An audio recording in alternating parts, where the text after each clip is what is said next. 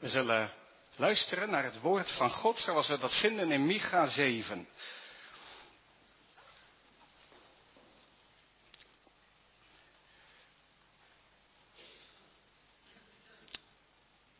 Wee mij, want het is mij vergaan als na de inzameling van de zomervruchten, als na de nalezing van de wijnoogst. Er is geen tros om te eten. Mijn ziel verlangt naar vroege vijgen. Een goedertieren mens is verdwenen uit het land. En een oprechte onder de mensen is er niet. Ze loeren allen op bloed. Ze jagen op elkaar met een net. Om kwaad te doen staan hun handen goed. De vorst eist, de rechter doet uitspraak tegen betaling. Wie groot is beslist naar eigen begeerte en zo verdraaien ze de zaak. De beste van hen is als een doornstruik, de oprechtste erger dan een doornhaag. De dag van uw wachters is gekomen, de dag van uw vergelding. Nu zal er bij hen ontreddering zijn. Geloof een vriend niet, vertrouw niet op een huisvriend. Bewaak de deuren van je mond voor haar die in je schoot ligt. Want de zoon maakt de vader te schande, de dochter staat op tegen haar moeder, de schoondochter tegen haar schoonmoeder. Iemands vijanden zijn zijn eigen huisgenoten. Zelf zal ik echter uitzien naar de Heere. Ik zal wachten op de God van mijn heil. Mijn God zal mij horen. Verblijd je niet over mij, mijn vijandin, want als ik gevallen ben, zal ik weer opstaan.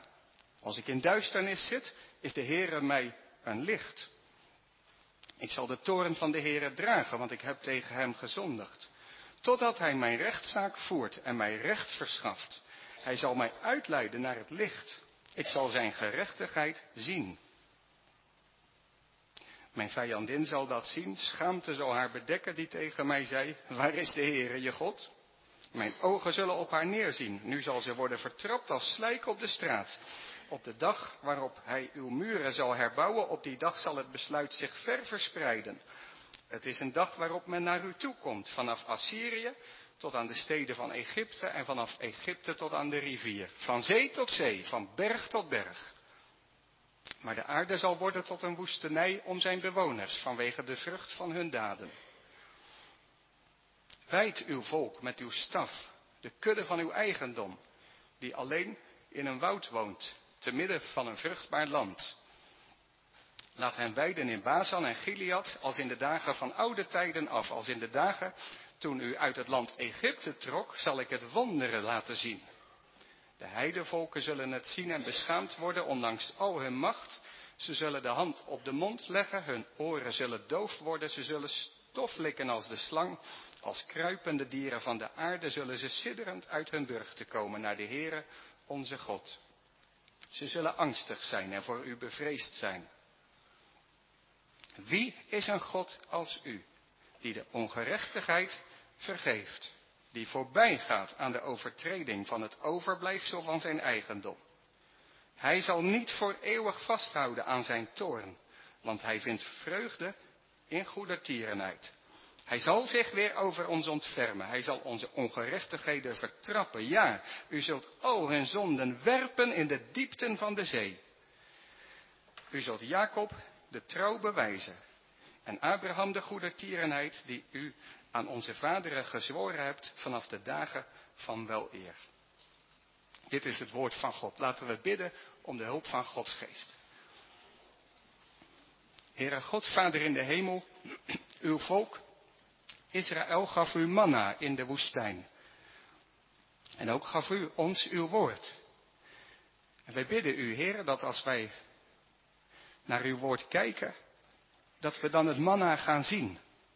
En dat we het manna, het brood van het evangelie, met de hand van het geloof mogen nemen. Heer, opdat we er in onze ziel mee verzadigd worden. Heer, opdat we met kracht en met vreugde straks van hier mogen gaan. Help uw dienaar in het spreken, help uw gemeente in het luisteren. Laat ja, de verkondiging van uw woord een eredienst zijn. Een, een daad van aanbidding. Om Jezus wil. Amen. Geliefde broeders en zusters, gasten.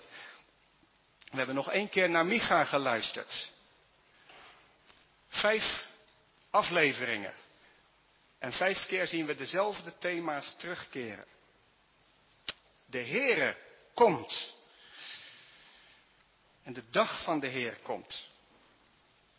En hoe zal dat zijn? Vijf keer was dat schrikken. Zit het goed tussen jou en God, tussen ons en God, tussen deze wereld en God? Hoe kun je weten of het goed zit tussen jou en God? Hoe wist Micha wat hij wist? Micha is een profeet en een profeet is iemand die een Bijbel heeft. Micha had een Bijbel, niet zo dik als die van ons, maar Micha had de boeken van Mozes, onder andere. En met de hulp van Gods geest las hij die boeken. En hij deed met het woord van God wat wij ook met het woord van God moeten doen. Wat moet je met het woord van God doen? Met al die verhalen, die wetten, met alles wat daarin staat. Moet je er naar kijken? Ja, je moet er naar kijken. Zoals je naar series kijkt. Kijk, kijk naar het woord van God. Maar het uiteindelijke doel van Gods woord is niet alleen dat je er naar kijkt, maar dat je er mee kijkt. Als je een telescoop hebt, ehm, dan kun je kijken naar de telescoop, maar de telescoop die gebruik je om er mee te kijken en dingen te gaan zien. Nou, als je veel naar allerlei media kijkt, dan kijk je niet alleen daarnaar, maar het doet ook iets met je, zodat je anders kijkt naar het leven, naar de dingen die je ziet, naar jezelf, naar. Nou, eigenlijk moet je de manier waarmee je naar de dingen kijkt niet laten vormen door allerlei media, maar de manier waardoor je naar jezelf, naar deze wereld kijkt, moet je laten vormen door te kijken naar en te luisteren naar het woord van God. Onder de leiding van de Heilige Geest. Dat deed Micha. Met Gods woord en met Gods geest keek hij naar zijn volk. En wat ziet hij dan? Nou, ik wil Micha 7 met jullie langslopen aan de hand van uh, drie punten. En dat zijn eigenlijk drie gedeeltes uit het boek Micha. Dus pak je Bijbel er gewoon even bij. We kijken eerst naar de versen 1 tot en met 6. Daarna kijken we naar de versen 7 tot en met 9. En daarna kijken we naar de versen 10 tot en met 20. We gaan er een beetje in vogelvlucht door, maar dit zijn denk ik de drie belangrijke gedeeltes. Vers 1 tot en met 6 als ik dat in één woord samen moet vatten wat daar gebeurt, waar dat over gaat, dan zeg ik dat is een dramatische diagnose. Hoe zal het zijn als de Heere God komt? Micha heeft met de hulp van Gods woord gekeken naar zijn volk, naar de belangrijke steden, Samaria, Jeruzalem. De mensen hadden het idee dat het allemaal best redelijk goed ging. Ze hadden welvaart. Ze voelden zich goed. Ze hadden een tempel en deden iets aan de dienst van God. Niks om je zorgen te maken, dachten ze, als God komt. Maar Micha kijkt naar zijn tijd en zijn land en zijn stad met hulp van Gods woord. Zoals een dokter zijn instrumenten heeft om naar de patiënt te kijken. En als Micha zo kijkt naar de stad Jeruzalem, dan is dat ontzettend schrikken. Zoals een dokter iemand voor zich kan hebben die er op het eerste oog redelijk gezond uitziet. Maar dan bekijkt de dokter de scan. En dan zucht hij. Overal, door het hele lichaam, alle lichaamsdelen. Hij ziet vlekjes op de foto. Hij ziet dat het nergens in het lichaam goed zit. Zo ziet Micha dat de zonde heel Jeruzalem bedorven heeft. Dat heel Jeruzalem is aangetast door de zonde. Jeruzalem, hè? We hebben het hier over Jeruzalem. Wat is Jeruzalem? Jeruzalem is de stad die God aan zijn volk gegeven heeft om licht te verspreiden. En waarvoor heeft God één volk, het volk van Abraham, uitverkoren? Opdat dat volk het licht voor de volkeren zal zijn. Maar nou gaat God komen naar Jeruzalem. En als hij komt, vindt hij er nog geen tien rechtvaardigen. Ja, hij vindt er niet één die werkelijk trouw is aan de wet, aan het verbond van God, die de Heere met heel zijn hart en zijn ziel lief heeft. Ooit kwam God naar Sodom en naar Gomorra. God vond er nog geen tien rechtvaardigen en de stad werd met vuur verwoest. Micha 1, als God komt, als God verschijnt, dan komt hij met vuur. En nu komt de Heere God naar zijn eigen stad, naar Jeruzalem, naar zijn eigen tempel. Waar hij zo lang, waar hij zoveel in geïnvesteerd heeft. Zijn eigen wijngaard, waar hij toch onderhand vrucht mocht verwachten. Druiven. Vijgen. Maar wat treft de Heer aan als hij komt naar zijn eigen huis, naar zijn eigen mensen, naar zijn eigen tempel? En met Psalm 12 roept Micha uit, er is niemand die goed doet, ja niet één. En later zou Paulus in de Romeinenbrief, Romeinen 1, hetzelfde zeggen. Allen hebben gezondigd. Hoe moet het dan aflopen als de dag die de wachters, die de profeten hebben aangekondigd, als die dag aanbreekt, als God komt? Gemeente, dat is een vraag die wij, die jij, die u jezelf moet stellen. Want de Heer komt.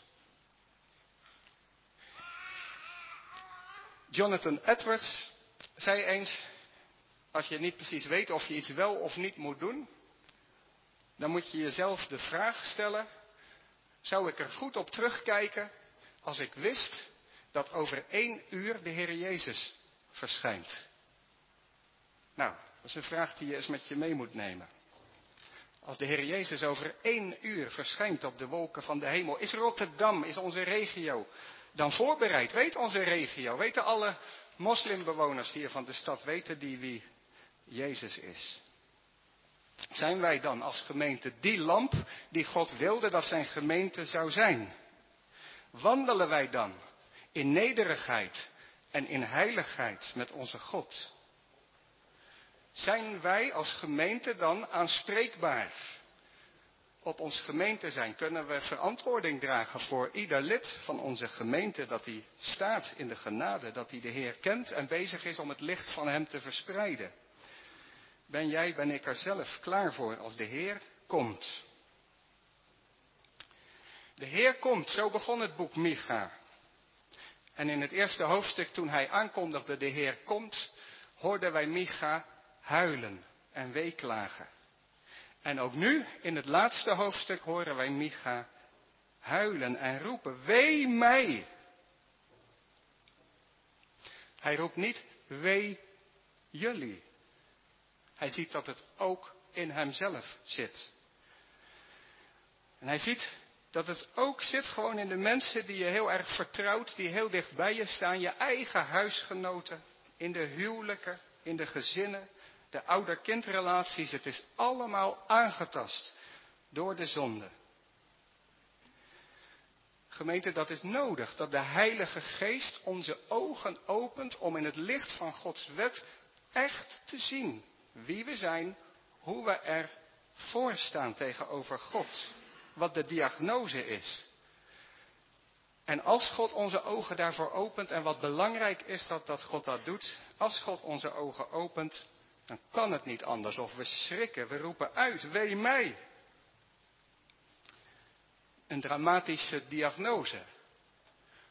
We weten allemaal dat als de dokter op de foto overal vlekjes ziet, ja, dat er nog heel wat narigheid voor de deur staat. Hetzelfde geldt voor de zonde. Als in het licht van Gods wet zonde in ons leven, in onze gemeente zichtbaar wordt, dan blijft dat niet zonder gevolgen. Denk maar aan Adam en Eva, het eten van de vrucht, die opstand in hun hart tegen God. Wat een gevolgen had dat. En zo is het nu niet anders. De zonde heeft gevolgen. Ongehoorzaamheid heeft gevolgen. Het leidt tot oordeel. Tot straf. Tot angst. Tot schade. Tot verdriet. Tot duisternis en dood. Jeruzalem. De stad die het licht moest zijn voor Israël en voor de volken. Jeruzalem aangetast door de zonde. Met behulp van Gods woord ziet Micha wat er aan de hand is. En hij roept het uit, wee mij, een dramatische diagnose. Gelukkig eindigt het boek Micha hier niet. Kijken we naar de versen 7 tot en met 9, hoe het verder gaat. Het tweede gedeelte, als je dat samen zou willen vatten, zou je dat gedeelte kunnen noemen een betrouwbare behandelaar. Als jij een slechte diagnose krijgt, dan wil je altijd weten of er nog iets aan te doen is. Is er nog ergens een behandeling? Is er nog iemand die hier raad mee weet? Of zegt iedereen het spijt me, we kunnen niks meer voor u doen? Heb je gezien dat er in vers 7 een wending komt in de tekst? Zelf zal ik echter uitzien naar de Here. In de NBG-vertaling van 1951 hebben ze daar even een witregel gezet. Wat goed is dat. Dat je even ziet hoe een tekst in elkaar zit. Vers 1 tot en met 6, witregel. Vers 7, zelf echter, er komt hier een wending. Zit Micha diep in de put na de, na de dramatische diagnose? Nou, geschrokken is hij zeker. Uitgeroepen heeft hij het zeker. Wee mij. Maar Micha kent een betrouwbare behandelaar. Zelf zal ik echter uitzien naar de Heere. Ik zal wachten op de God van mijn heil. Micha heeft steeds op deze behandelaar gewezen. In alle hoofdstukken is hij daarmee bezig geweest. Dat er een Heere is bij wie je heil kunt vinden. De God van mijn heil. In het Hebreeuws staat er de God van mijn Yeshua. Redding, zaligheid. Maar als je goed luistert, dan hoor je daar een naam. De God van mijn Jezus. We gaan bijna kerst vieren. Wie is het kind dat toen geboren werd? Wat wordt over hem gezegd in het eerste evangelie, Matthäus? Waarvoor kwam hij? Matthäus 1. Hij zal zijn volk zalig maken van hun zonden. Micha kijkt uit, hij wacht, hij roept tot God. Hij weet dat zijn stad gevallen is door zijn zonde. Maar Micha weet ook dat God hoort wie tot hem roept. Dat God komt voor wie tot hem roept. En dat God weer licht brengt voor wie in het donker zit. Dat hij weer opricht wie gevallen is, maar het verwacht van hem in vers 9 zegt Micha, hij zal mij uitleiden naar het licht. Ik zal zijn gerechtigheid zien. Dat woord gerechtigheid kun je ook vertalen met verbondstrouw. Oftewel, Micha is niet wanhopig. Hij weet bij wie hij het zoeken moet. Nou, ik wil eens vragen, hoe is dat nou bij u? En bij jou? Ben je geïnteresseerd in de diagnose van God over je leven? Of vind je dat maar zwaar gedoe? Vind je dat maar een beetje gezeur dat ik het daarover heb? Als God je uitnodigt om eerlijk in zijn licht te komen staan, is dat niet om jou in de put te duwen. Hij wil dat je ziet wie je bent en wat er aan de hand is, zodat je behandeling gaat zoeken. De tragedie van Micha's tijd is dat heel veel mensen Micha een zeur vonden. Het gaat toch goed en het komt wel goed. Maar het kwam niet goed, want Jeruzalem werd honderd jaar na Micha verwoest. En het volk weggevoerd en de tempel met vuur verbrand. Zo erg was het. Zonde heeft gevolgen. Dat geldt ook voor u en voor jou. God wil dat je wakker wordt. Want het is ernstig, maar er is een goede behandelaar. En als je hem aanroept, als je hem gaat zien, de God van het heil, dan kan het er nog zo treurig voor staan. Maar dan is het niet hopeloos. Dan mag je verwachten. al draag je in je leven vaak de gevolgen van de zonde. Er is een God van je heil. Een God van Yeshua, een God van Jezus. Roep tot hem, Heere, ontferm u over mij. Straks vieren wij het avondmaal. En wanneer ben je klaar om naar die tafel te gaan? Nou, de eerste vraag die je jezelf moet stellen is, erken ik dat die problemen er zijn? Als je dat niet erkent, als je je best een goed mens en een goede christen vindt, nodig ik je uit om maar gewoon even te blijven zitten. Want je hebt nog niet gezien wat er aan de hand is. Maar zie je wat er aan de hand is? Begin je dat te zien? Ja. En roep je hem aan? Dat is de tweede vraag die je zelf moet stellen. Vestig je je vertrouwen op de Heer, je God? Zie je, ik heb hem nodig. Anders staat het er hopeloos met mij voor. Micha. De diagnose is ernstig en toch is Micha niet hopeloos, want hij ziet en hij weet, er is een betrouwbare behandelaar. En hij weet waar die behandelaar geboren zou worden. We hebben het gehoord, Micha 5 vers 1. in Bethlehem zou hij geboren worden, de verlosser voor Israël, de zaligmaker voor de volken. Dat brengt ons bij het derde en het laatste punt. En dan kijken we nog even naar de versen 10 tot en met 20.